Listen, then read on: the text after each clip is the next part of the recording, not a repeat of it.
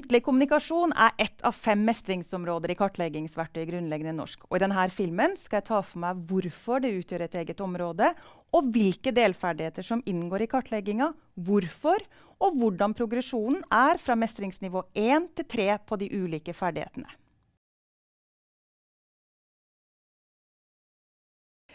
Muntlig kommunikasjon generelt, og samtalen spesielt, er grunnleggende i og for all kommunikasjon og læring. Samtalen er hjertet i opplæringa, ifølge andrespråksforskeren Pauline Gibbons.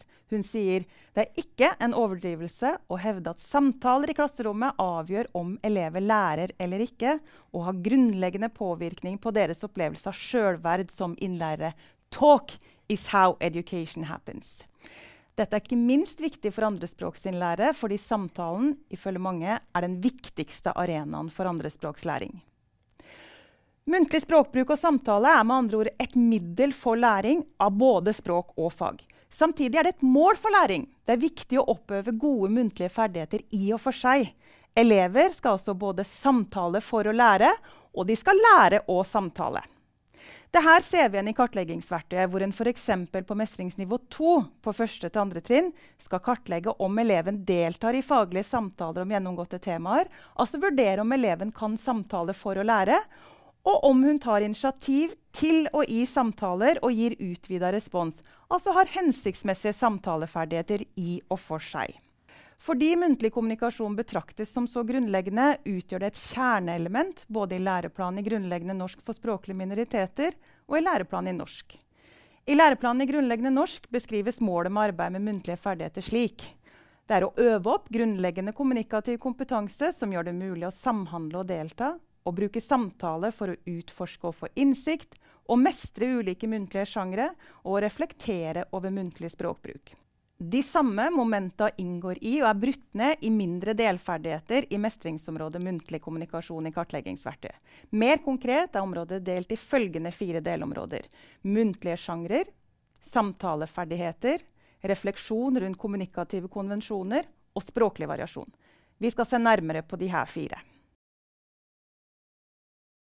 Skolehverdagen og opplæringa innebærer et stort mangfold av muntlige aktiviteter som elevene må delta i på en aktiv og funksjonell måte for å utbytte opplæringa. Det blir f.eks. gitt muntlige beskjeder, og elevene får og gir ulike instruksjoner og forklaringer.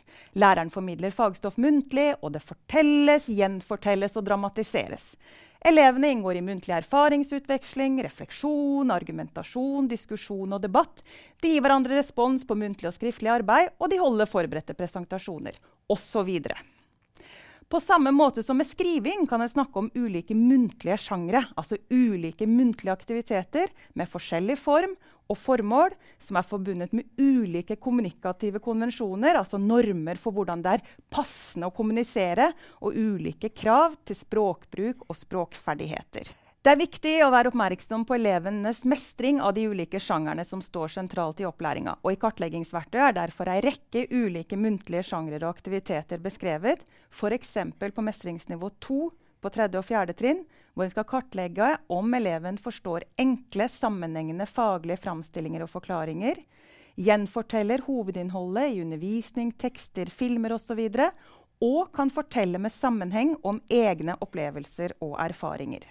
De ulike sjangerne og aktivitetene stiller ulike krav til språkbruk og språkferdigheter. Det går derfor en progresjon både når det gjelder hvilke sjangre som inngår på de ulike nivåene, og i hvilken grad på hvilken måte eleven mestrer de ulike.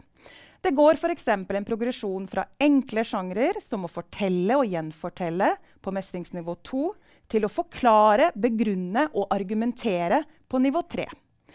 Og det går en progresjon fra det reseptive, at eleven forstår f.eks. For faglige framstillinger på mestringsnivå 1, til det produktive, at eleven sjøl produserer språk gjennom eksempelvis å gjøre rede for og gjenfortelle på mestringsnivå 2.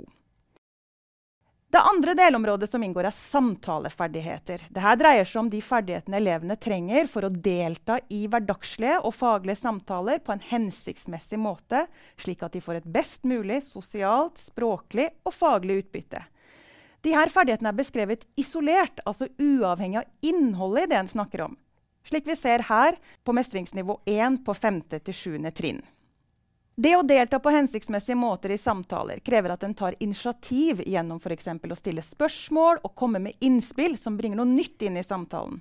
Og det krever at en gir respons ved f.eks. å svare og kommentere. Ulike initiativ og responstyper krever ulike språkferdigheter, og i verktøyet er responstype særlig vektlagt. Progresjonen går bl.a. fra å gi enkel respons på mestringsnivå 1 til utvida respons på mestringsnivå 2. En utvida respons er et svar eller en kommentar til samtalepartnerens initiativ som tilfører noe mer enn det initiativet strengt tatt krever. På et spørsmål om man har det bra, vil en utvida respons kunne være ja, det går mye bedre nå som mamma har kommet hjem fra sykehuset, mens en enkel respons vil kunne være bra. En utvida respons krever med andre ord mer og mer selvstendig språk.